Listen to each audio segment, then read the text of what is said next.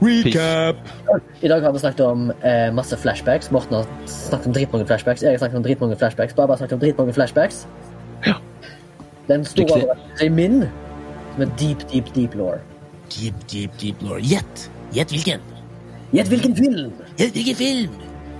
Den rimer på Av de mest ivrige. Bunk Bukkau.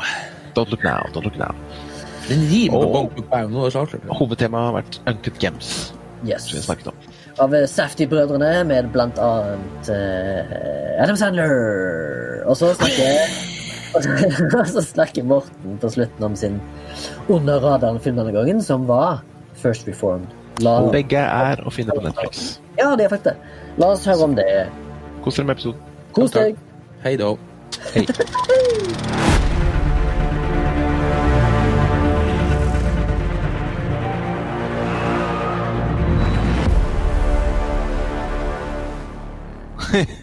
OK, det går. Er det Ein Schweiderei? Ein Schwein drei, som de sier i uh, Død snø. Drei, Schwein, Ein. Eins. Kjør. Velkommen til Flashback. En, en episode, sier jeg. En podkast om film og sånt. Mitt navn er Bob Lunde. Jeg er fortsatt uh, i heimen. Ute Ja. på Holmlia. Remi fortsatt i heimen på Majorstua. Eh, I dag har jeg jobba, og jeg er trøtt. Men jeg er veldig opplagt for denne podkasten. Hei. Morten på hjemmekontor i Mancave. Dere ser ikke publikum, men gutta bare ser at jeg har sett framfor legoromskipene mine. Um, Helgeland, eh, Mo i Rana. Eh, liten digresjon her helt på Å, oh, shit, jeg er fra Haugesund. På, YouTube nå for tida, får dere opp veldig mye reklame for Helgelandskraft? Nei. Nei. Fa hva i svarte faen vet Apple-TV nesten at jeg, at jeg er fra Helgeland og bor her i Oslo, og viser det på YouTube? Jeg får bare sånn Jeg fikk tre reklamer på rad på YouTube nå, og alle sammen var folk fra mitt distrikt som snakka. Forskjellig. Det var matprat, og det var Helgelandskraft, og det var noe sånn fiskeindustri uti der. Ja, men da jeg var hjemme i Haugesund sist, så fikk jeg mye reklame om, eh, om jeg ville kjøpe bolig i Oslo. Og når jeg kom hjem til Oslo, så fikk jeg mye sånn eh, annonser om å kjøpe bolig i Haugesund. Ja, det er Algoritmene de begynner å skremme altså. ja. How the fuck do you know? Du er ikke sikker på at du ikke har søkt på Helgelandskraft eller Helgelandskysten eller Har du hatt mye kontakt med deg hjemme? Nei. Altså, det var, Ja, det kan godt hende at kjerringa googla noe greier. i- Vi skal tenke på Vi har faktisk tenkt på Helgelandsferie, sånn sykkelferie. Ja, ikke sant? Jeg ser det. Jeg ser Men det. eh, det er ikke Jeg mener at det har ingenting å si, egentlig. Nei. Det er liksom du ser én film fra England, så skal ikke du bli bombardert med reklame en måned etterpå. liksom. Jeg ser jo filmer fra hele Norge. Ja, Men nå kom det. Nå kom det. Yeah. Yes. Hva har du gjort i uka? Som har vært? Å ja, tenker du på fla flashback? Uh, Ja, en liten eh, flashback. ja, skal jeg begynne? Ja, Ja, jeg håper du har vært hjemme. Jeg har vært Jeg håper alle svarer at de har vært hjemme. Ja, jeg har vært hjemme mye. Uh, jeg har òg jobba, fordi jeg, jeg er ikke så uheldig som alle andre som er permittert. Men boys and girls, jeg har sett en film som er fra 1970-tallet. 1973, nærmere bestemt. Oh, fy faen! det Jeg var helt svett og svimmel. Nei, Jeg er helt nervøs nå, altså. Ja, og det er en film som er regissert av Nicholas Roeg, som heter Don't Look Now. don't look now. Don't look now. Don't look deepest- now. Goddamn lore in this whole Nå er jeg spent på om de har uh, hypa den opp i uendeligheten. Eller hva det faktisk syns. Det var gøy å sjekke hvis vi hadde en, hvis vi hadde en sånn supernerd-fan hvor mange ganger altså Jeg tror vi har nevnt Don't Look Now i nesten hver episode. Vi er på episode 31 eller 32. 34! Faen, shit! Det er crazy, ass. Ja, det er crazy. Men uh, om dere har hypa den, det vet jeg ikke. Eller jo, det skal dere få vite nå. Den var hypa kanskje 20 Oh, det er jo ikke så verst. Det er ikke så ille. Jeg likte filmen veldig godt. Uh, den er veldig sånn clean cut-film med, som er- med helt uh, konge-performances og ei veldig sånn eh, rart klippa Eller ikke rart klippa, men rart på en god måte, da. Kan du si. Og eh, veldig mye kule eh, fortellerteknikker, holdt jeg på å si. Og, eh, og eh, framførelse av rollene til Donald Sutherland og hun der Julie Christie. Likte jeg veldig godt. Mm. Og alle birollene og sånn. Eh, veldig veldig 70-tallsfilm. Du merker det liksom i alt. altså Donald Sutherland han er sånn der 70-tallstynn, ingen definisjon i kroppen. Det er bare sånn, øh, Han er bare pudgy liten fyr. Han er liksom han er, dressen henger og slenger, liksom. ja, ja, han er, dressen henger og slenger på han. Han er skikkelig sånn Det er, det er Roger Moore-body, liksom. Mm. Og han er liksom the sexy man. Og det er litt sånn rart å tenke på hva du ser på film den dag i dag, da. Jeg sa Bart eh, hverdagsmann var liksom 60-mann på 70-tallet, liksom. Ja. Og hun, når du ser på og så tenker du hun, Julie Christie er jo veldig eh, vakker eh, jente akkurat der da, eller dame da. Så setter du tenker på liksom sånn Han fyren der er sikkert Han er jo sikkert rik og berømt og litt sånn for å få hun da, tenker jeg. Enten det, eller så var det kanskje at han er, er, ja, sånn, ja. at han er, en, At han- at han er en høy for Han ser jo litt funky ut. Han ser, vel, han ser ut som han spiller i Bee Gees, liksom. Og så har han veldig sånn Han har veldig sånn eh, dramatisk look hele tida. Ja.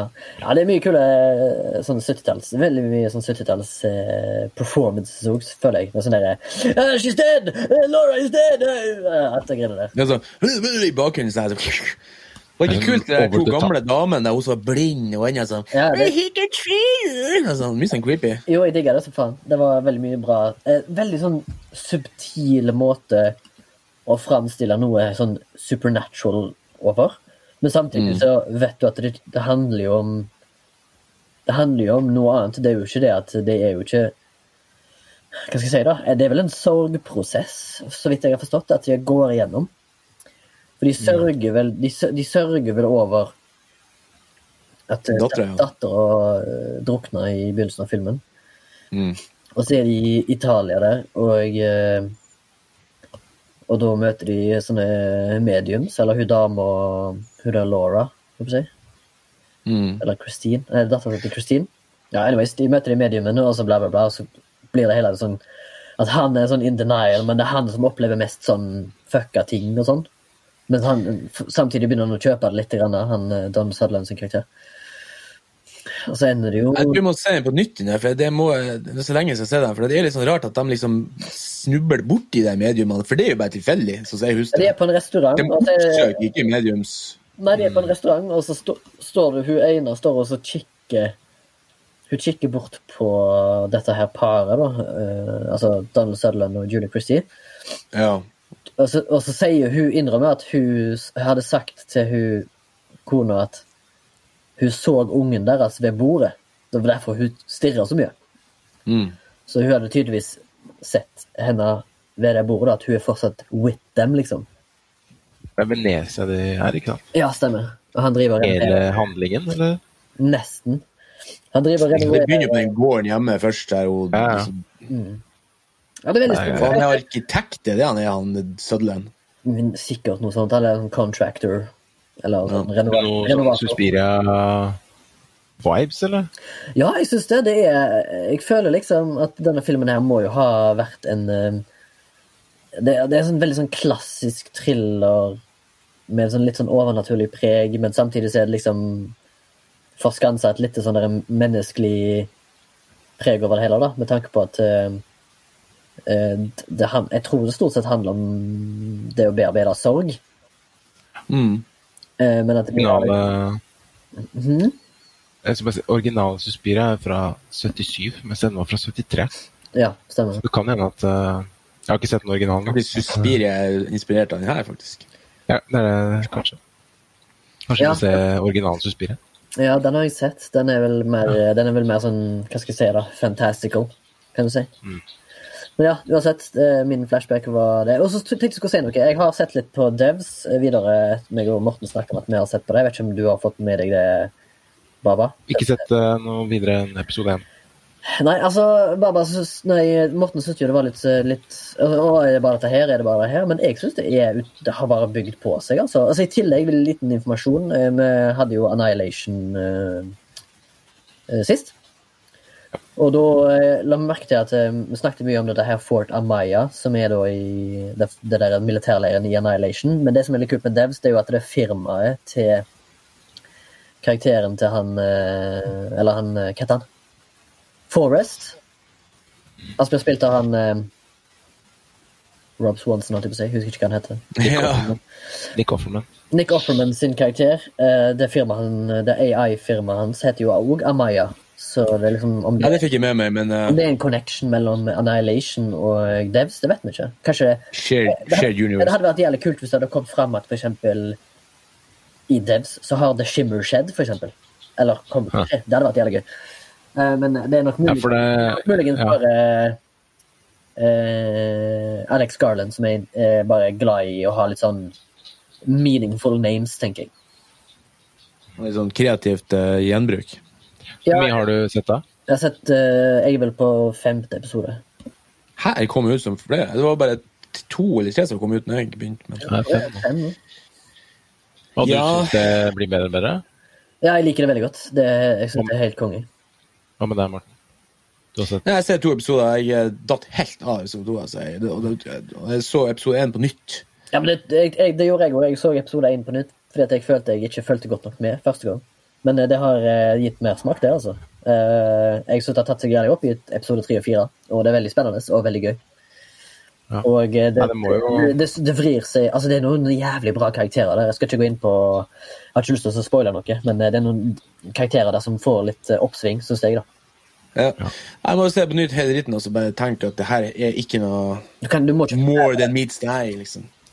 Ja, det er jo det. Nei ja, men jeg følte ikke at jeg gikk glipp av noe vesentlig i episode én. Nei, kanskje det er litt sånn påtatt. Eller, Vet ikke om du får noe mer karikert han Forrest når han begynner å snakke om i episode 1 altså begynner å snakke om at uh, altså, the world is uh, deterministic. Han begynner med den der, eh, rollen, den der talen sin.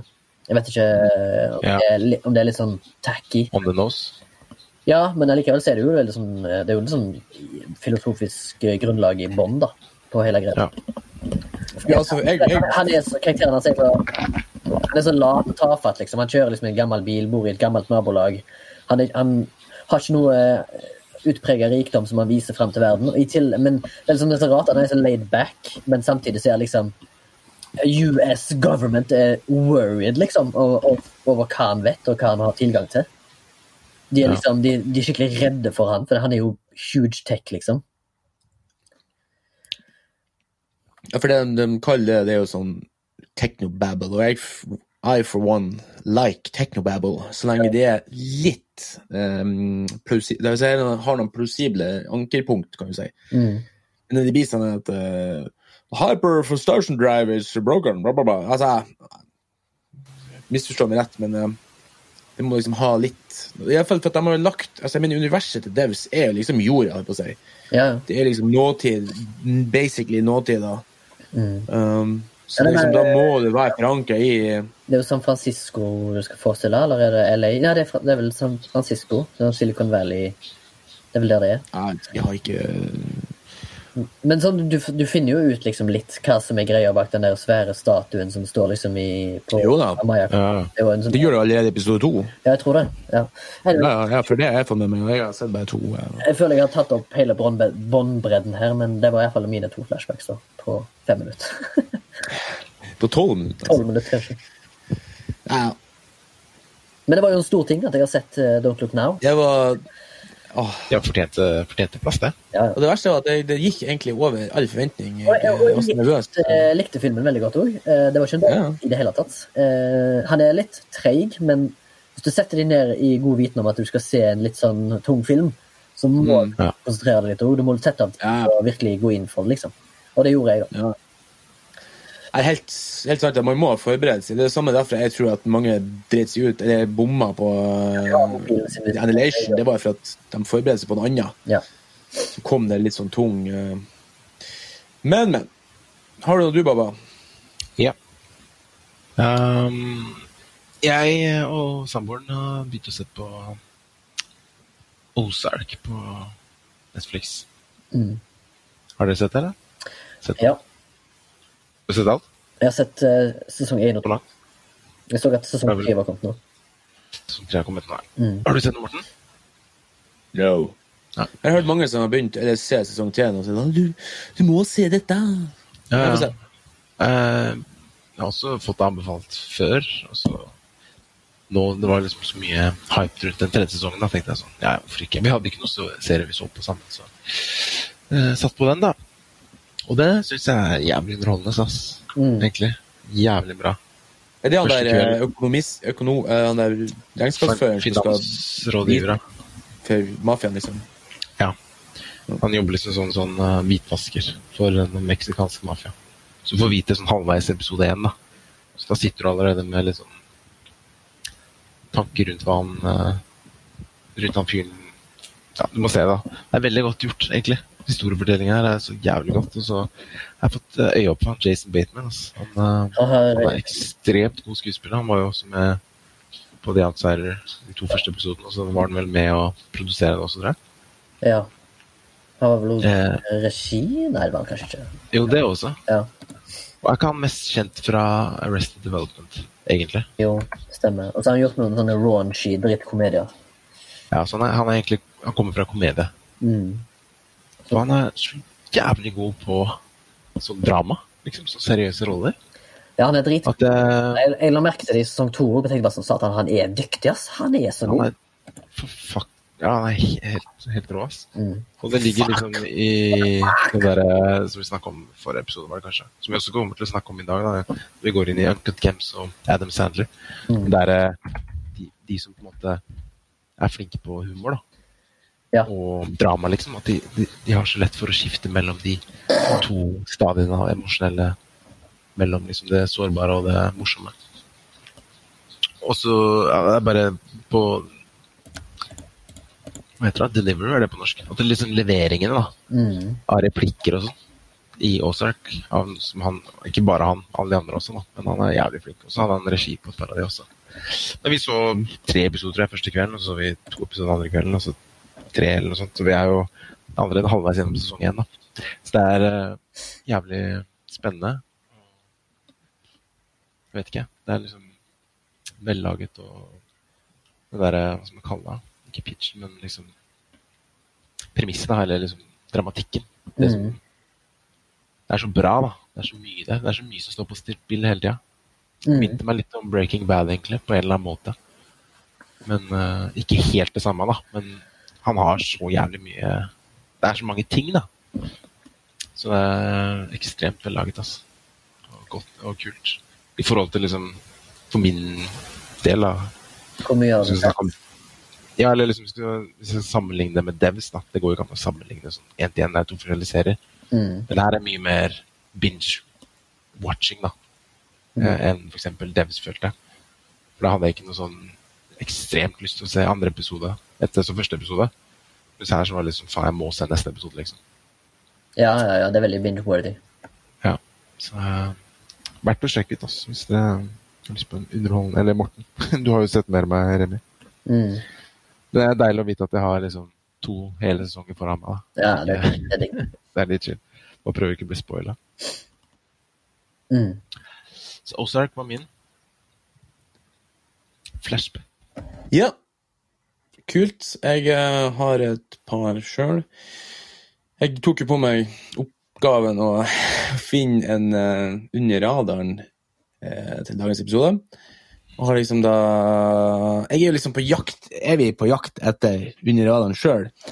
Ikke for å nødvendigvis være en sånn her eh, snobb, hipster, filmfjott, men på grunn av at jeg, jeg tror bestandig jeg er på jakt. Jeg leter etter Jeg har liksom metalldetektor og går på stranda og prøver å finne sånne her eh, fossiler jeg, ut jeg tror faktisk det er bare min måte å være på, å finne liksom sånn skjulte gems. ikke sant? Mm.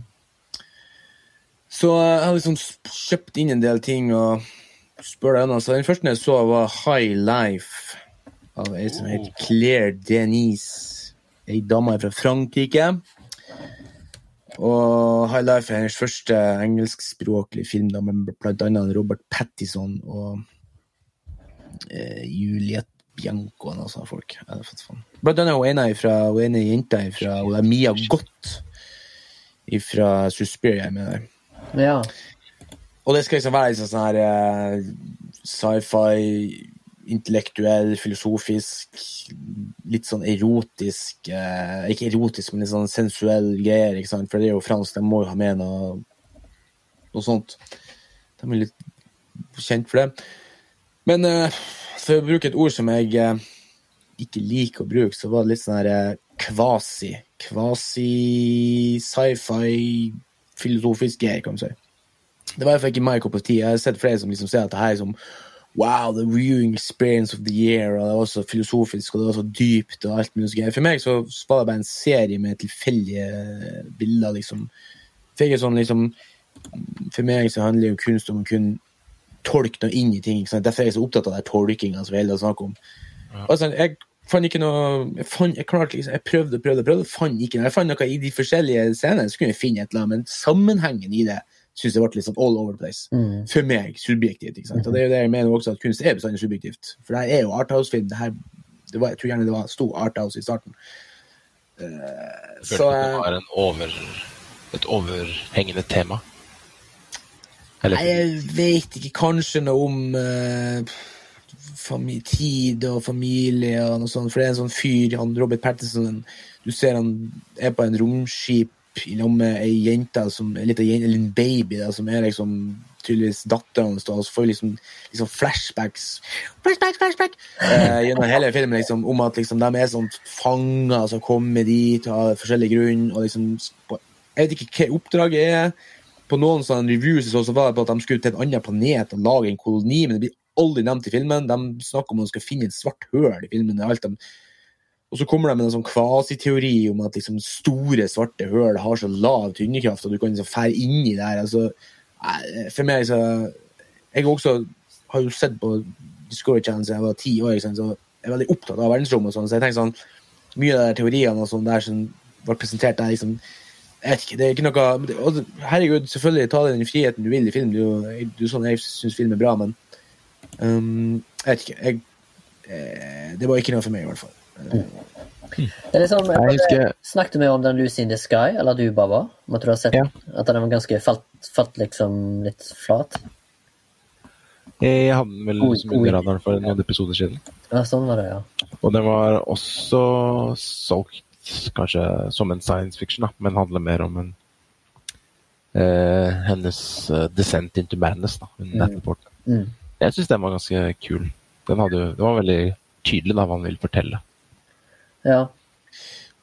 Ja, sånn, for, for, alt i verden det kan hende det mange som Altså, han har jo ganske høy eh, kritikerscore. Mm. Og liksom, hun er ranka som liksom, kanskje den ranka som possibly the best uh, eller female directors of our time, alt mulig sånt.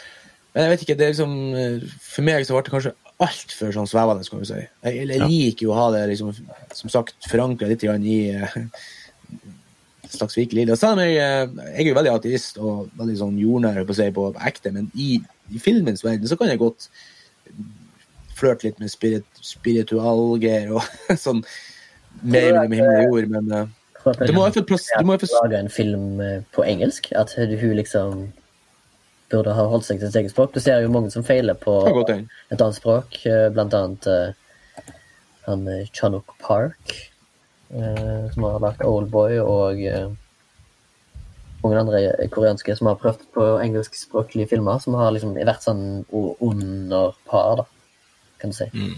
Men ja. Ja, kanskje, kanskje det at, hun har problemer med å uttrykke eh, For det er noe med å uttrykke seg 100 Jeg prater jo engelsk hver dag på jobb, så det er ganske vanskelig å, å uttrykke seg fort og spesifikt på et annet språk. Selv om du kanskje mestrer språket ganske bra, så er det noe med den konvensjonelle mm konversjonelle engelske som er litt Men allikevel så klarer liksom Denis Villeneuve det, fordi han, snakker, han regisserer jo på sitt second language. Han er jo i, ja. i første språk, altså vel fransk, eller Quebec. Quebec ja. fransk. Mm. Stemmer nok det. Mm. I hvert fall så så jeg etterpå The Endless ja, den, er, The Endless. den er gøy. Den er bra. Ja, den var The Endless? Og den er jo liksom Det er ufo, det er kult, og det er masse som greier. Og så liksom frister den litt grann med at det er liksom litt sånn her eh, Lovecraft-inspirert. da. Mm. Så den ble jeg liksom intrigued på. Jeg så han hadde høy metascore. og det, Jeg likte det veldig godt. Hva het denne filmen? The Endless. det er endless. Det er liksom sånn fantasy horror eh, Lovecraft-opplegg. To gutter, Jason Benson og Aaron Moorhead, som liksom regisserer lag. Jason Benson har skrevet den. Uh, og de spiller jo i den òg, faktisk. Uh, så de liksom er acting, writing and, uh, altså De to hovedpersonene er dem som har regissert filmen. Mm. Eh, den har liksom sånn her Lovecraft-vibes og sånn, eh, men ikke for det. Den, jeg syns den også hadde litt sånn her Jeg vet ikke. Jeg ble mer underholdt av den, men liksom den ga meg ikke den fulle sånn, tilfredsstillelse, følte jeg da. Mm. Selv om jeg ble, den makes more sense. Den var jo som en hel film. da, Den hadde liksom et gjennomgående tema. Så uh, den òg liksom var sånn eh, midt på treet. Mer bedre enn Half-Life eller High Life eller hva faen jeg sa. Half-Life. Så Kult. så jeg en til, en til da, som liksom den, Der traff jeg! Men den får dere vite Kult. Det er liksom eh, under radaren. Det er under radaren. uh, Og jeg vet ikke, den er ikke så Den er ikke akkurat eh, Den har ikke gått stille hen under radaren, tror jeg. Men jeg tror ikke den er sånn eh, Jeg tror ikke folk presser seg. Men det tar vi. Så jeg fortsetter. Yeah. Kult. Eh, eh, hva er det vi skal snakke om i dag, Boba? Eller skal vi Uh, I dag skal vi snakke om nok en film. Mm. Det Du verden. vi skal snakke om, er eh, Uncut Games. Det står jo i tittelen på episoden, eh, som du Yes. deg, eh, du som hører på. fra 2019. Eh, film av Benny Safti og Josh Safti, som også lagde Good Time. Men dette er da en Og Heaven Knows What. straight to Netflix, er det vel ikke det? Jo, det er men er eh, A24. A24 og Netflix-samarbeid, ja. Eh, Og for de som fikk kanskje en bitte liten kinolansering i USA. Ja, jo, kanskje. ja. ja, jeg vet ikke. Jeg er litt Kanskje, usikker. kanskje han skulle være eligible for Oscars? Oscars? Oscars? Ja, det er jo sånn triks de har begynt å gjøre, Netflix, at de kjører dem en, noen uker på, på, på kino bare for å kunne være med på, sånn, på flere ting, liksom. Mm. Har ikke fått noen sånne Oscar eh, Globe-nominasjoner. Så det er ikke sikkert. Det kan hende det her var ren Netflix, altså, faktisk. Ja. Det er godt mulig. Og et par festivaler. Han har jo vunnet ting. Så ja. Mm. Eh, men det er jo med Adam Sandler i hovedrollen, da. Eh, I en dramatisk rolle, som er ganske kult. Mm. Um, skulle vi ta ikke helt en, uvanlig, så jeg noen at jeg eh, Hva sier du? skulle vi tatt den, Morten opp? Har du noen Har du opplysninger? kommet din, eh, Morten? Hæ? Har du noen folkeopplysning? Morten, Ja, folkeopplysning! Ja, ja, ja, klart. Kjør på. Skal vi ta en kjapp en? Ja, jeg tar en kjapp en, Okay. Lights, action! Mortens folkeopplysning! Jeg hadde bare lyst til da, for jeg har, jeg har fått litt sånn uh, luft under vingene, som vi sier på fagspråket, da, uh, i uh, historiefortelling og skriving og sånn. og jeg, Um, Det er lang historie, men jeg gidder ikke å gå inn på det nå, men det er i hvert fall en sånn gammel greie som jeg begynte med på da jeg studerte. liksom, for jeg, tenker, jeg tenkte da at liksom, når du studerer, så er du liksom sjøl din egen lykkes smed, så jeg begynte liksom å forske ut hvorfor jeg liker sånne rare filmer. Sånn, som jeg om før, liksom, jeg, så jeg begynte faktisk å forske litt på hvorfor jeg egentlig liker uh, den typen film jeg gjør. Ikke sant? Nei, men glem det, det er en lang historie. Jeg kan jo ta den nå, faktisk. Uh, I hvert fall så jeg begynte å skrive på noe som jeg skrev på da, som, liksom, som ble for stort for den bæsjen. Du vet ikke det, for pappa, men eh, kan vi kanskje lage en episode om det. I hvert fall så jeg begynte, så jeg å tenke på sånn, for jeg har egentlig aldri jeg har slitt litt med aktstruktur. ikke sant? Det er mange sikkert som uh, i startfasen på skriving som tenker sånn Faen, skal jeg lage en akt? Og så begynte jeg å se litt på det. Du har jo treaktstruktur. Og du har eh, treakt Hollywood, treakt eh, eight sequence-struktur, og du har fire akt, og du har faktisk fem akt, og du har ni akt og åtte akt. Altså det er så mange sånne her greier, ikke sant? Er ikke, Eh, er ikke Lord of the Rings femakt? Jo, det er liksom sånn her, for eksempel en fireakt tror jeg kanskje er det mest vanlige. Da har du liksom setup of conflict, det første akt, og så er det build-up som er andre akt, og så er det crisis tredje akt, og resolution fjerde akt. Så liksom, så jeg tenker sånn, hva i faen er det akt, ikke sant? For noe nine act, act structure, ikke sant? For eksempel, eh, det her er eh, jeg hadde noe oppe her, noe greier. Men sant, du har jo det her, det samme som vi har snakket om på når vi har analysert en del filmer, så har du beginning, du har liksom incident, altså incenting eh, incident, altså når noe skjer, når liksom hovedpersonen setter i fart, Anslaget. så har du liksom falsk klimaks 1, og du har liksom midtpunkt, og det er veldig mange sånne her, er veldig mange regler, altså, og så har jeg koka det ned til, jeg leste noen sånne her fattere som har liksom, nå husker jeg ikke navnet på dem, men det er ikke så nøye egentlig, for jeg kommer bare til å ta en summering på det jeg har kommet frem til, at akting er faktisk ikke så viktig i første omgang. Det første du skal gjøre, er å sette deg ned og skrive historien din. Det er det som er første steg. Ikke tenk på akt. For det er flere av de forfatterne jeg har lest om, som er manusforfatterne, som sier at hvis du begynner å rote med sånn aktstruktur når du skriver historier, så kommer det bare komme ut som noe møl som virker amatørmessig av det at liksom det, Den typiske amatørfeilen er at du følger reglene nesten for nøye, kan du si, så det blir veldig sånn stakkato. Og så etterpå så kan du begynne å se på hvordan Hvilken akt er det som passer? Eller hvilken aktstruktur er det som passer min historie, faktisk?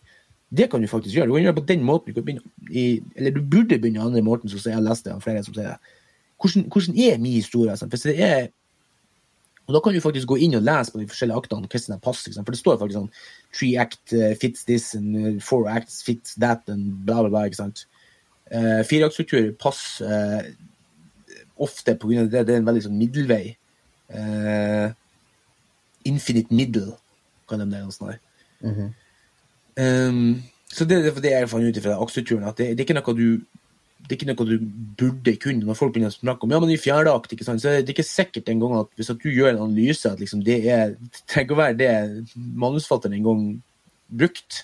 Det er vel det han eh, Craig Mason snakker om i script notes, at uh, du trenger ikke å ha det su superstrukturert. fordi at uh, Hva er det han sier, Baba? At uh, det går litt på følelsen òg? Uh, structure is a symptom of the character character's relation to central dramatic argument. Så liksom Som Morten sier, det kommer an på historien. Det kommer an på karakteren. Det er jo Ja. den som på en måte skal serve hvor historien går, da. For å segwaye det, som jeg har lært er et franskt ord for å videreføre noe, så kan vi jo ta det inn i den filmen vi skal snakke om. Har, har du noe formening, Morten eller Baba, om hva struktur det blir brukt der? Hvis vi kan tenke oss om? Jeg tror det er en klassisk treakt eight sequence-struktur. Ja. Setup, Ja. development, resolution. Ja, okay. Og da har du da to segment i setup, fire segment i development og to segment i resolution. For at det er jo ikke noe tvil om at setupen er kort, lang midtparti, veldig kort resolution på den filmen vi skal snakke om nå. Vi må Ja. kanskje komme med spoiler alerts. Ja, ja, men eh, du finner filmen på Netflix. Jeg kan jo ta litt sånn eh, Kan handle om og uh, Hva det heter uh, Fakta. Uh, directors, ja. Det har vi vært innom. Det var jo Benny og Josh Safty. Og det er skrevet av Ronald Bronstein og Josh Safty. Og, og for så vidt Benny Safty, så det er tre skribenter på denne filmen. Uh, spill, Hovedrollene er Adam Sandler, og så har du Lakeith Stanfield. Og så har du eh, eh, han som spiller Og han som spiller Arno. Jeg husker ikke hva han heter. Jeg burde, Arno, Arno, burde jo hatt det. Burde jo hatt det her. Skal vi se. Står ikke han i Eric Bogosian. Ja. ja. Og så har du jo masse andre små karakterer, som eh, Keith William, Williams Richards, som spiller Phil, og så har du Tommy Cominic, som spiller Nico, og så har du Julia Fox, som spiller Julia Di, Di Fiori. og så har du til og med masse andre sånne småroller som litt sånn kjente, eh, som, som for eksempel hun Pom Clementif, som er kjent fra Guardians of the Galaxy. Du har eh, basketballspilleren Swinton. Ja, Tilda Swinton, eh, ja. Ja, hun spiller på telefonen, Og så har Natasha Leon spiller du Boston Player Personal. Ja, og så har du Idina Menzel, som spiller kona til, til karakteren til Adam Sandler. Og så har du Kevin Garnett, ja, sa jeg det? Han uh, basketballspilleren. Og så The Weekend. Det er jo The Weekend og Kevin Garnett har liksom begge eh, sin debutfilm her, da. Eh, Hostemannen Morten. Ja, men det er ikke Korona. Uh, filmen handler om eh, Howard Ratner, som er en sånn derre skikkelig sånn spastisk uh, sånn, uh, juvelhandler, skal jeg si, i New York. Skikkelig sånn, Han henger liksom i Diamond District i New York. eh, og det var, de var veldig eh, fra begynnelsen av eh, når de begynte å utvikle filmen, disse Safety Burden, så var de veldig sånn at han skulle være jødisk, liksom, og de ville bare tilby jødiske skuespillere den rollen. Og de hadde til og med spurt eh, Adam Sandler i, så langt tilbake som i 2009 om han var interessert i rollen, og da har han takka nei. Og de har, eh, vært, de har vel vært innom en god del andre skuespillere, som annet Harvey Keitel. Jonah Hill var den første siste som eh, måtte takke nei til rollen.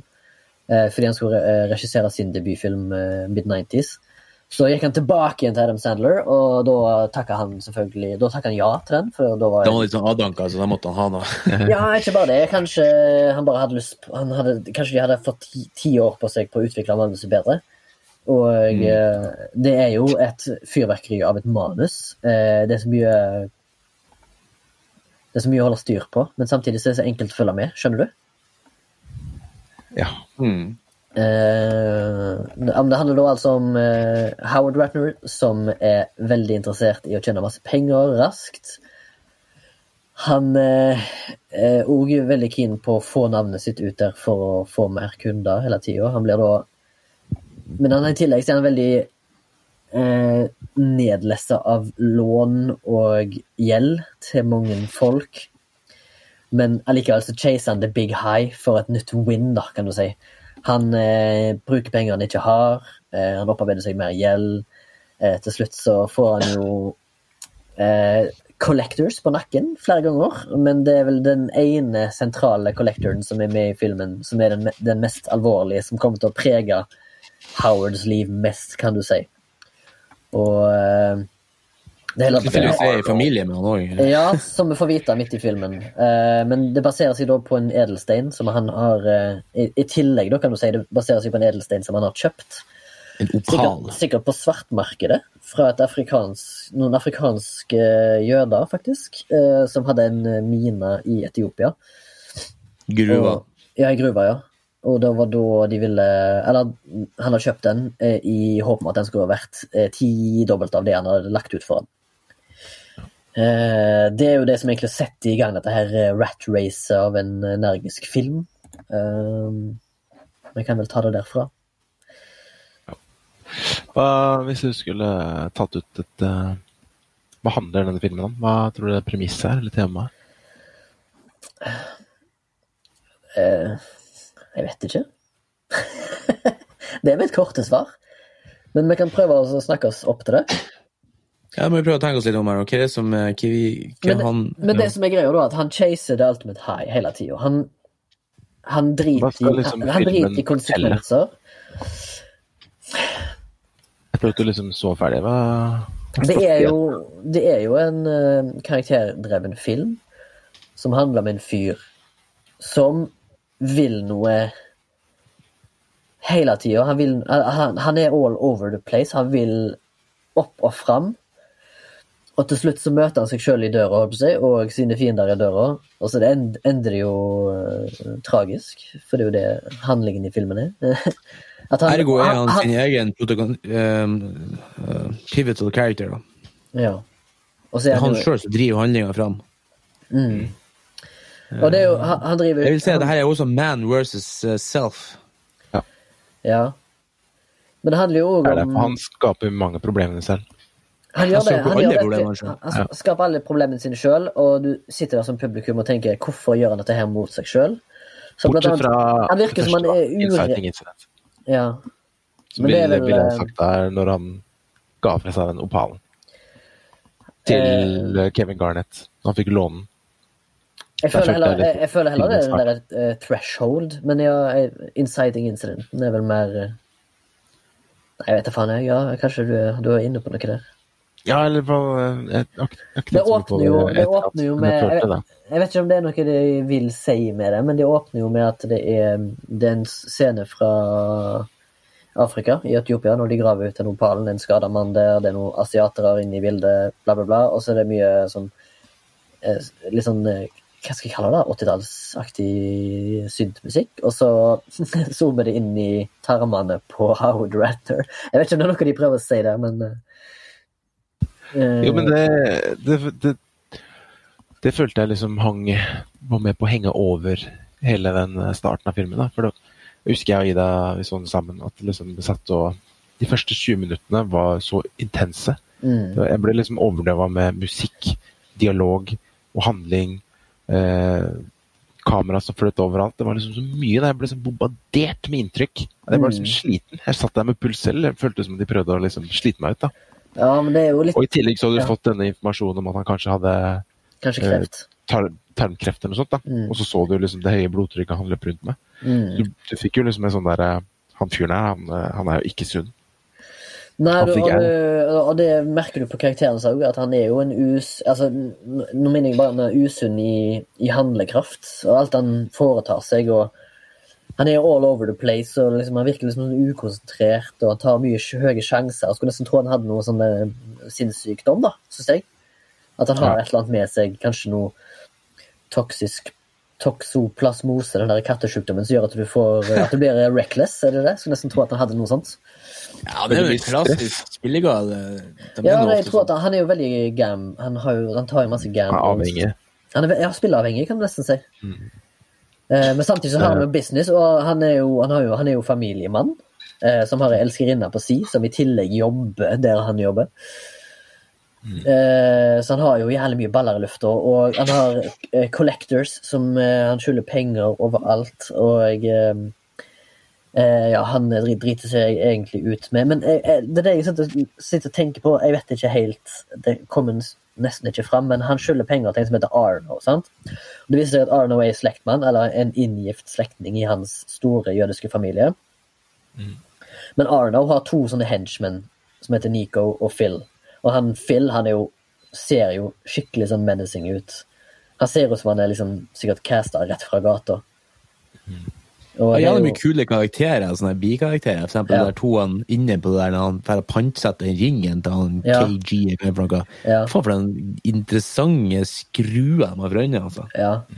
Det er en kul look på hele filmen. Det skal Mm. det første jeg skal si, bare at for, for min del. Da, at jeg syns looken jævla kul. Mm. Uh, jeg syns jævla kul bruk av lyd. Jeg vet ikke om du la merke til det, om det var bare en tilfeldighet, men jeg syns lyden var ofte dårlig på en bra måte. hvis du skjønner hva jeg mener. At det Mm. skurra litt. Grann. At er akkurat som at lyden var skrudd for høyt enkelte ganger, så det kutta, chippa litt på lyden. Jeg vet ikke om det var jeg la merke til lyden, fordi at når han Howard Ratner maser så jævlig mye når han snakker med alle karakterene Han er back and forth på KG, Kevin Garnett, og han er på han der Lakeith uh, Stanfield sin karakter, Damane, er det den heter? Mm. Og han er liksom Julia, og han er fyren på bakrommet, og det er Arno sine henchmen. De er liksom det, og så er det bare sånn kakafoni av stemmer Mm. inne i butikken. Og det er sikkert det det er sikkert det han Baba mente med at det er, så, det er så stressende stemning, for det er så mye folk. Og det virker ikke som mm. i, i lydmiksen at de har klippet ut lydene fra bakgrunnen. Du hører fortsatt chatting i bakgrunnen, og det er masse lyder oppå hverandre, og det er masse dialoger som går samtidig. Det er noen er litt sånn skurr litt. jeg synes det, er litt sånn, det var et litt kult grep. Ja. Det bygger sikkert opp under eh, hele den kaotiske stemningen. da. Mm. Fordi også kamera, eller Foto er jo litt sånn røft. Det er veldig sånn Ja. eh, kornete bilde. Mm. ja, men det er filma på 35 millimeter. Det er filma på Ja. film. Og det matcher jo alt, egentlig. At det er liksom så Mm. Alt er så røft. Mm. Men jeg skulle følt at det satt igjen med et eller annet øh, at det er lært, da så er det jo Føler jeg at liksom det lønner seg ikke å lyve og gamble, liksom. Ja. og øh, Jeg vet ikke hva det filmen prøver å fortelle meg, men eh, for, for meg sitter jeg bare igjen med et inntrykk av at eh, det er noen som har god peiling på en litt, å lage en intrikat story med interessante karakterer, og det har de klart gjennomført ganske solid. da. Jeg vil jo si at det, det Nå har jeg bare sett uh, Good Time av uh, Safety-brødrene, men jeg har hørt folk snakke om den forrige filmen før det igjen, som heter Heavens, Heaven Knows What, om at de har en sånn kvalitet i seg med å bruke eller den fortellerteknikken de har med å lage karakterdrevne med filmer med jævlig mye edge, sånn som for eksempel i Good Time.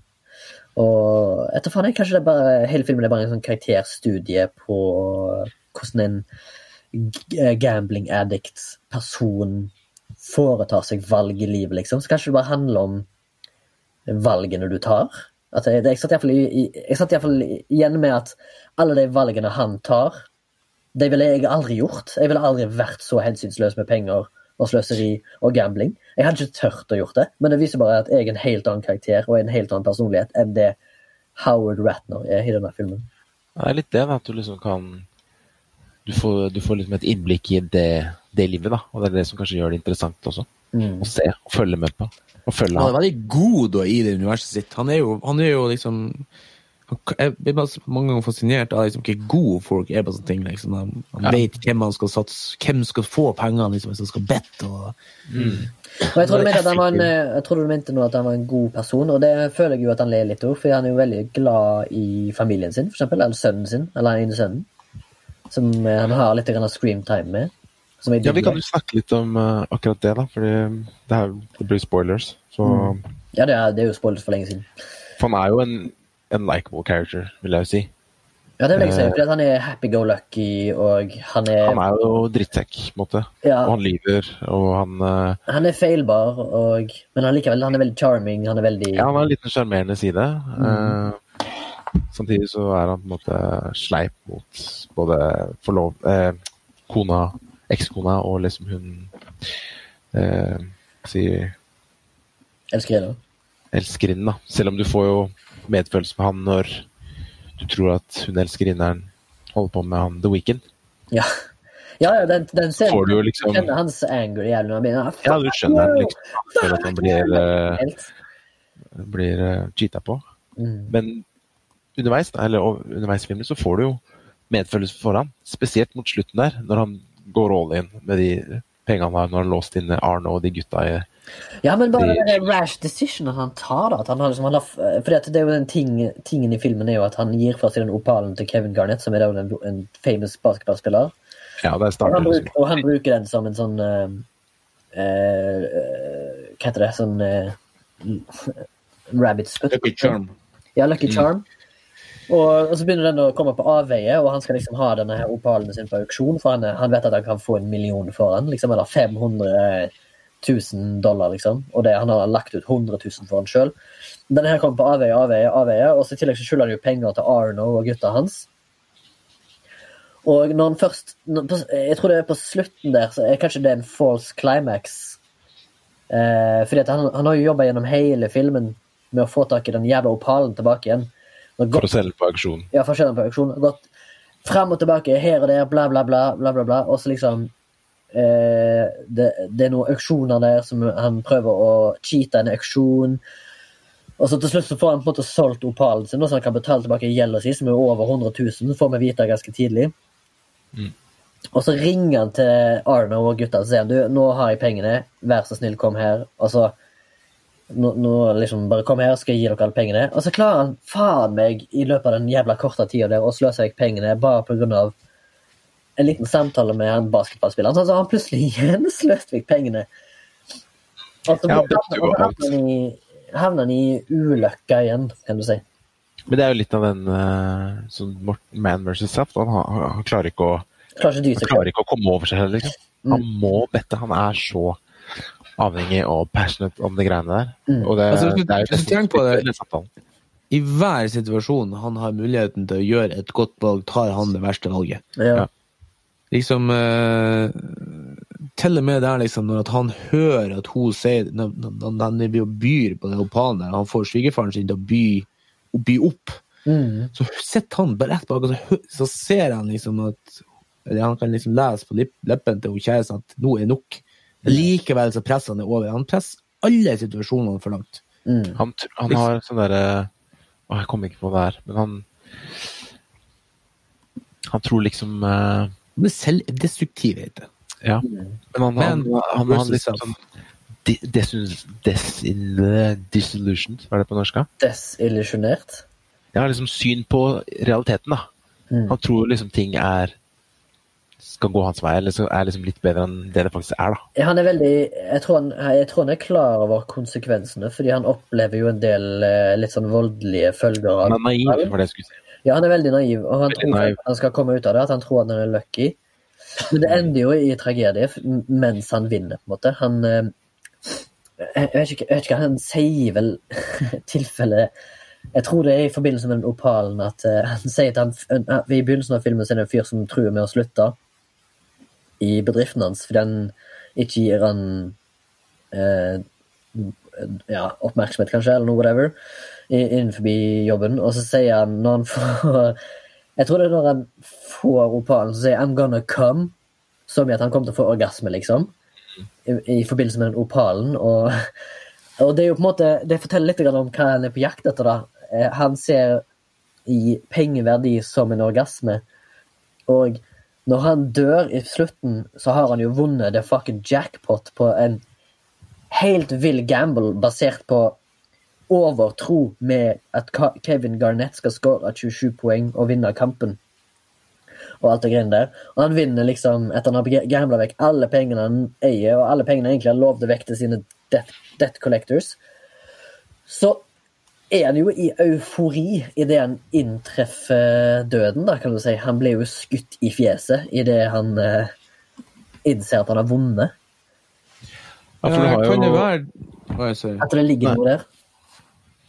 Ja, jeg, jeg skulle bare si at det med opalen, for vi får jo aldri vite hvor mye den er verdt egentlig. Nei. Han er jo lystlener, så godt hende han har løyet om Kevin Garnett spør jo hvor mye han betalte for den, Mm. egentlig. Og så sier han 150 000 eller 175 000 dollar eller noe sånt. Men jeg vet ikke om det er sant. Og han mener at den er verdt liksom million. fra 350 000 til en million dollar. Mm. Og han får den ikke takstert til det, da, de auksjonen. Mm. Uh, Så det kan hende at han er ekstremt naiv og lyver med alt dette tingene. Og han bommer jo hele tiden. Kan det være. Kan det være det at det manusforfatterne eller de prøver å fortelle oss, det at det er som en sykdom? For de gir oss jo et hint i starten om at Eller de gir oss liksom en sånn herre De gir oss liksom en sånn her sånn Det er kreftsjuke, ikke sant? Det, det er jo som et spor. Så jeg satt og tenkte når jeg så han, og jeg tenkte nå Hvorfor gjorde de det? Hvorfor hadde de med med kreften. den historielinja om kreften, liksom, og han får vite at du er frisk som en fisk, liksom? Mm. Så tenkte jeg sånn at ok, kanskje de, de hadde lyst til å bare understreke for publikum at det her er ikke en fysisk sykdom på den måten at det er som en kreft du dør av.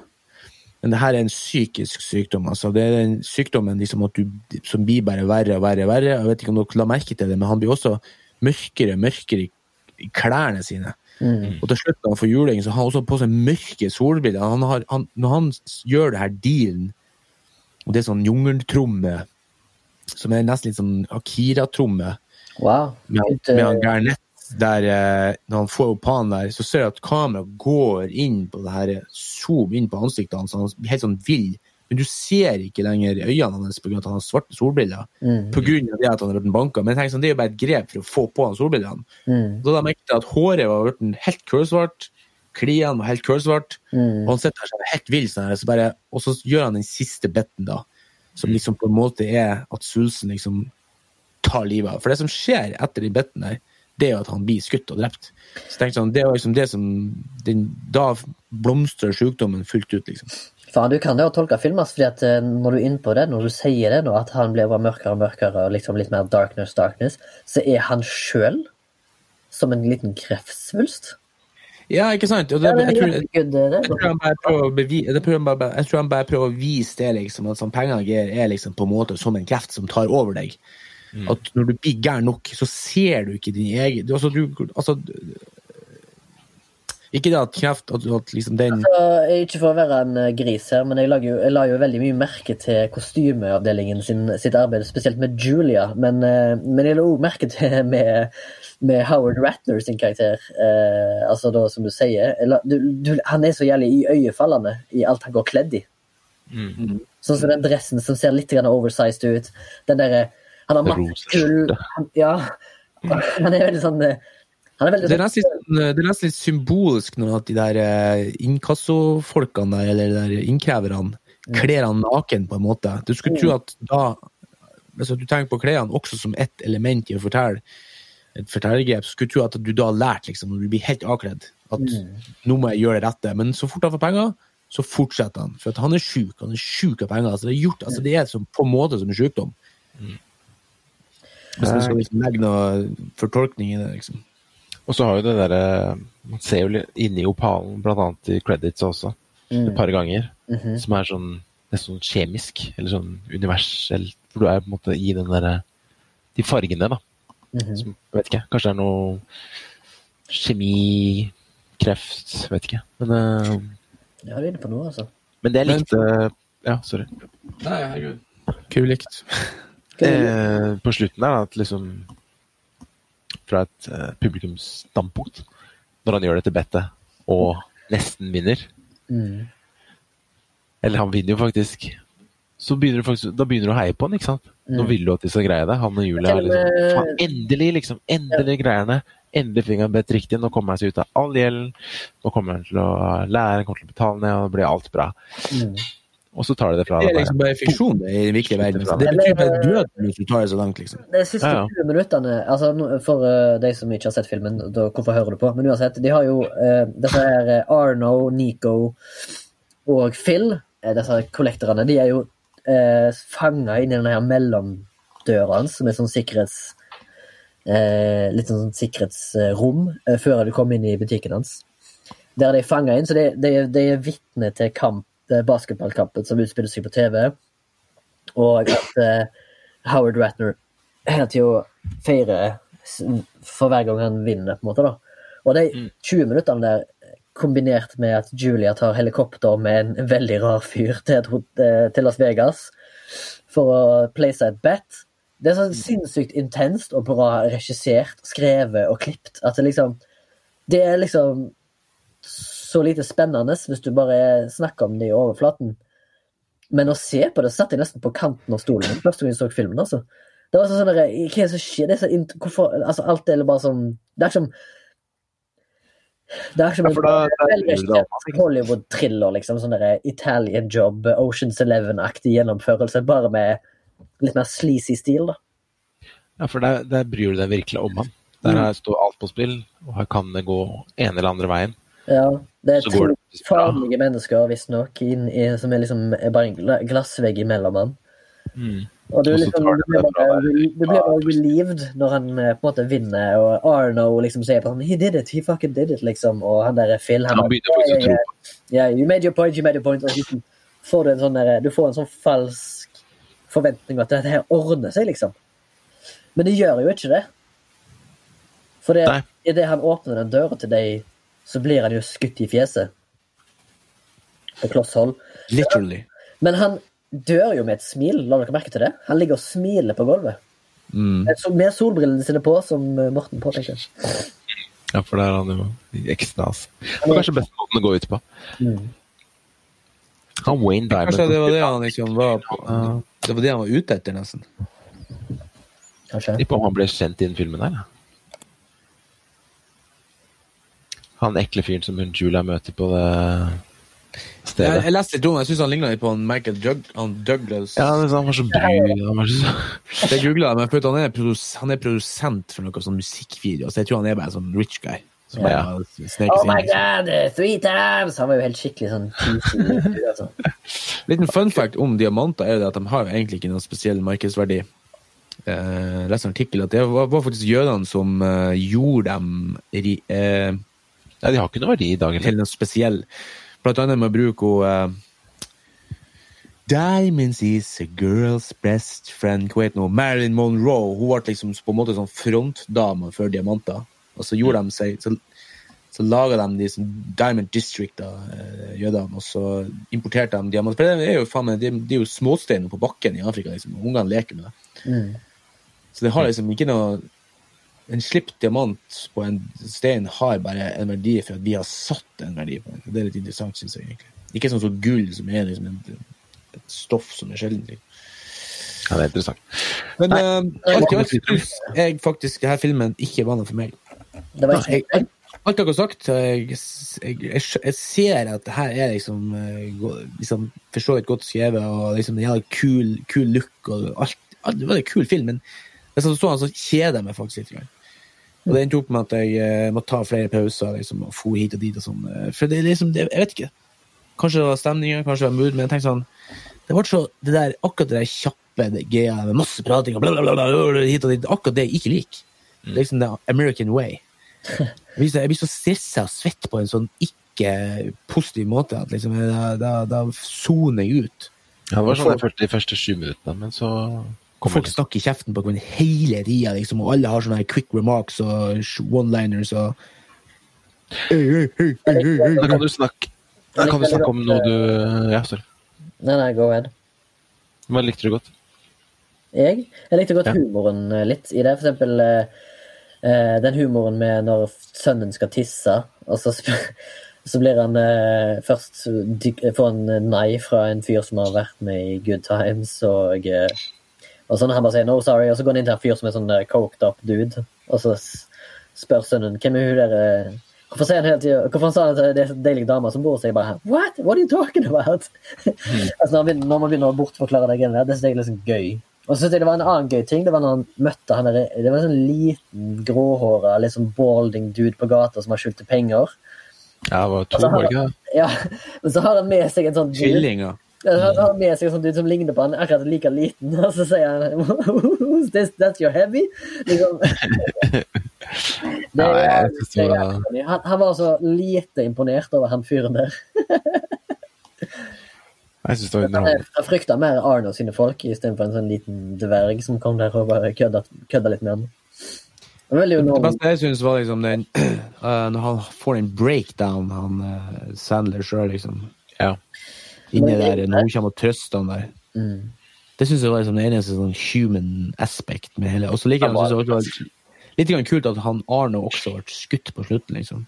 Mm. For han begynte å få anger allerede de holdt han ut av vinduet, og så han har begynt liksom å øh, Ja, men hva tror du forholdet hans er til disse her eh, to uh, karene? For det, det virker som om Arno er sjef til å begynne med, men på slutten så virker det som om han ikke Det kan jeg tippe de var rented hire. Ja, de, er- Ja, de, Ja, og så bare Det er også bare å vise liksom, at pengene er, penger er alt, liksom. Så at du, for da skjønte de òg at du får ikke penger, og drit videre. Liksom. Vi tar bare det beste vi kan få. her, Bare... stikke. jo, de, de burde jo ha skjønt at de får pengene fordi at han vinner jo millioner på det bettet. Ja, men det er for langt frem i tid. Det er vanskelig å forholde seg til. Liksom, Du må ta disse her nå. Liksom, hvis du er sjuk, så hvis du har bitt av pengebestilling, så tar du det rett for. Liksom. For hva tror du ikke han hadde gjort hvis, det, hvis det filmen hadde gått sin vei og han hadde fått de pengene utbetalt? Han hadde jo sikkert gambla de pengene vekk med en gang. Ikke sant? Han har ikke kommet til å endt der. ikke sant? Han har bare kommet til å satse alt på neste hest. Mm. Det er derfor at sin gamblere de har jo mange millioner i omløp, men de er jo ikke rike. Jo ingen av dem som er rike. Nei. Stopp aldri. All right. Uncut Games ligger på Netflix. Det er bare å løpe og se. Kjører du under radaren, Morten? Yes, sir. Uh, I valget mitt på søken her, da har jeg faen meg sett fire filmer på to dager nå, Uh, så uh, Du skal se flere. Du skal se flere in the days to come.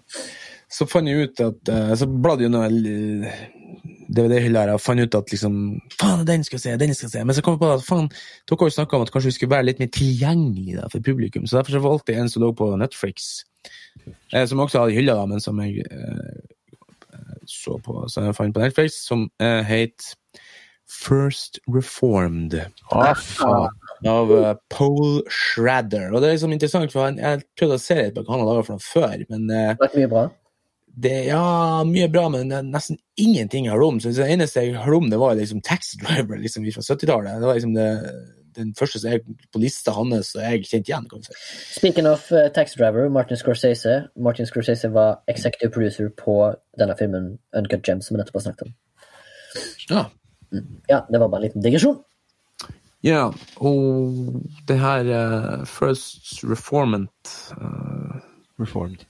First Reform var Liste. Jeg håper jeg skal skje en start. Den var eh, noe jeg likte. Og det, liksom, det var det som var liksom, i de to første filmene som jeg snakket om, det, High Life og, og, og The Endless. At på The First Reform, i løpet av de første fem sekundene, så plutselig så gikk det opp for meg at fy faen, det her jeg kommer, til, kommer jeg til å like. Jeg hadde allerede jeg ikke bestemt meg, men liksom jeg satt igjen med en følelse at det her jeg kommer jeg til å like. Eh, og liksom, det var liksom litt rar eh, grunn til akkurat det, for det var, liksom, det var helt stille. Helt stille. Og det kom liksom alle logoene for de forskjellige selskapene, sånn, så begynte liksom det kom liksom rullet, altså sånn the first credits liksom, med liksom sånn informasjon. Så helt, jeg, jeg sjekka høyttaleren, jeg har på meg headset, liksom, og, og så plutselig begynte å komme litt sånne her skoglyd og sånn, så bare boom, ble det bilde av kirka i 4-3-format. Tenkte sånn, fy faen, her, her er noen som har tenkt over noe, ikke sant. Mm. Eh, så selv om jeg er ateist og liker liksom religiøs eh, tematikk av en eller annen grunn, for jeg liker liksom det der at så fucka det kan, det kan være i sånne her eh, situasjoner, eh, Mm.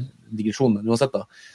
Og litt sånn artig, jeg leste et intervju her i eh, eh, film, jeg sånn sier det, med han, eh, eh, han regissøren at han var han, Etter at han prata med han Pavel Pavlovskij om eh, i, den her filmen Ida, altså han laga den polske regissøren, så ble han inspirert til, til å lage den i 4-3. Det var egentlig ikke noe sånn Hæ? Hele denne filmen i 4-3? Ja. Oi. Og den jo- Ida er jo også i svart-hvitt, han han hadde også lyst til å lage den i svart-hvitt, han, han, han på Trailer. Men eh, ironisk nok, og det, når du ser filmen så skjønner du hvorfor, så fikk han ikke, så hadde han allerede skrevet en kontrakt på at den skulle være i farger. For ja. det er liksom pengegreier, ikke sant? At uh, du kan ikke bare gjøre hva du vil. Det er vi som er produsenter. -hmm. uh, og det er liksom, og det som sa han reporteren i det intervjuet, at den der 4-3-formatet ga deg en sånn slags sånn kausofobisk følelse som liksom på en måte underbygde den, eh, den følelsen i den her amerikanske småbyen der han er Ethan Hawke er pastor. Eh, han het for Toller. Pastor Toller. Han het faktisk Hva var hun sa, hun kjerringa helt på slutten? Ja, jeg får rope navnet på han, faktisk, så jeg ble litt sånn paff over. Eh, Men det kan jo folk se. Eh, Det er litt spennende. Så. Men den har liksom sånn tematikk som er litt sånn her eh, ekstremisme og liksom Veldig mye av den driten jeg bruker å preike og kjefte om til dere på chatten vår. Og liksom dagens ekstremistmiljøbevegelse og kapitalisme og opportunisme og at liksom ingen gidder å gjøre noe så lenge the big man makes his dollars. er liksom mye av tematikken i det her. Jeg syns det var egentlig fantastisk. Også la jeg merke til noe som er veldig kult med 4-3-formatet, at det er liksom, det er klaustrofobisk når det er lyst, men så har det en jævla kul effekt som jeg vet ikke om de gjorde med vilje, men som jeg la merke til. at om, Hvis at du vil, så kan du åpne opp noe i faen. For det er bare å lage svart rundt det du vil se. For da, da plutselig ble liksom TV-en altså Da ble det widescreen, hvis du skjønner hva jeg mener. Mm. Så at mange ganger så var han alene, da, i et rom, og så var det svart rundt. Sånn at det ble mye større. Og ofte når han satt og skrev i dagboka si, han, liksom, han var liksom mest intellektuell, for det er jævla mye sånn, og så er det ikke musikk! Det er ikke knust musikk, bortsett fra en sånn litt sånn herselig drone mot slutten. Og litt sånn orgelmusikk. i, Men det er helt sånn her, det, det, er så trykka stemning. og Du sitter hele tida bare og venter på at nå eksploderer det, liksom. Uh, og noen ganger liksom, han var liksom mest intelligent, så da skrev det, liksom, eller du hører liksom han voiceoveren til han eh, Ethan Hawke og smått som liksom superkul, sånn smooth stemme. Ja, kult. Så uh, åpna de opp bildet med at de laga det svart rundt han, og så sitter han bare i stearinlys. Og da blir plutselig det widescreen. Og Jeg vet ikke om det er en teknikk de har sett først, men alle sammen har jo widescreen-TV i dag. ikke sant? Mm. Og så fargekorrigeringa var sånn at det gikk i ett med den boksen som blir på sida. Hvis du skjønner ikke mer. Det er sånn ja, kul effekt som er liksom Jeg ble sånn jeg ble så fascinert av det. Utrolig dystopisk vakre bilder fra Nord-Amerika, altså Nord- Nord-Amerika, opp i North. Det er noe som De snakker om noen grensen til Canada. Kult. Nå har du virkelig fått meg. Jeg skal se, sjekke ut filmen. Jeg skulle egentlig sjekke ut filmen når den var satt opp på Vega scene i Oslo. I. Jeg. Men jeg fikk aldri sjanse til å dra og se. Nei, den, eh, den kan jeg anbefale, faktisk. For at, uh, jeg vet ikke om han er akkurat under radaren, for han har tross alt vært på en slags smalfilmkino, men uh, jeg vet ikke om han gikk på noen konvensjonelle kino. kinoer. Jeg husker Baba snakket jo om Un Profet. Jeg husker jo den gikk på kino òg, liksom. Det er bare det at det er en film som er lite sett og lite hørt om. Ja. Det skal handle om. Og så er det sånn her eh, Av en eller annen grunn litt sånn her space-greier midt inni der som er litt sånn fascinerende. Så bare plutselig bare What? Hva her er for noe? Det er liksom som bryter helt med alt du har sett. Men liksom, det er liksom verken rart eller eh, Jeg vet ikke, det er bare Dere må nesten se det for å Mm. Høres interessant ut. Jeg skal se. Mm. Cool. Skal, Bings. Eh, vet, vet, vi vet jo ikke hvor lenge denne her karantenegreiene holder på, men eh, vi fortsetter vel bare haraballet på denne her online-versjonen vi har nå Jeg tror det. videre. Men eh, det hadde jo vært eh, Jeg gleder meg veldig til å komme tilbake i studio og få litt mer eh, bakkekontakt og øyekontakt med dere på en annen måte. og Få litt mer flyt. Fordi jeg har jo hørt på episodene våre og sånn. Det, liksom, det blir mer sånn oppstykka måte å snakke på, fordi at eh, vi ikke er i rommet med hverandre. Så derfor blir ikke den sjargongen eh, som vi, har pleid å ha i de episodene når vi er i studio. De kommer ikke så like godt fram her, kan du si. Eh, men allikevel så er det en eh, god eh, second opinion, holdt jeg på å si. Hva heter det? En eh, plan B. Vi er med på dugnaden, vi òg. Men neste episode så må vi jo finne på noe gøy da òg. Mm. Kanskje Morten skal bestemme det denne gangen? Hmm. Mm. Det blir det sci-fi. Det blir noe overraskende. Blir noe overnaturlige greier. Men har vi snakket om sci-fi som, som sjanger? Ja, jeg og bare var så vidt innom den på Mother-episoden. Ja, nettopp. Den, den diskusjonen var ikke jeg med på. Kanskje, kanskje vi, kan være en, en av de et, et par neste episodene kan vi ha, ha om sci-fi som sjanger. Vi skulle ha en uh, runde twist-filmer, da. Ja, twist-filmer, det må mor ha. Mm. Det tenkte jeg hadde vært artig å prate om. Ja. Men um, det får vi til. Save it for the pod. Save it for the pods. Save it for the pod, baby. Av Soundtank. Ja. Lydarbeid er gjort av Sondre. Du finner oss på Instagram og Facebook. Og Spotify. At flashback podcast. Mhm. Er ikke det? At flashback podcast, ja. Jo, Flashback Podcast på Insta. Og vi har eh, e-post flashback at soundtank.no. Ja, Del episoden med en venn. Få noen andre til å høre på. Yay! Yay! Yes. Ses neste uke. Takk for i dag! Tusen takk. tusen takk. Takk for i dag.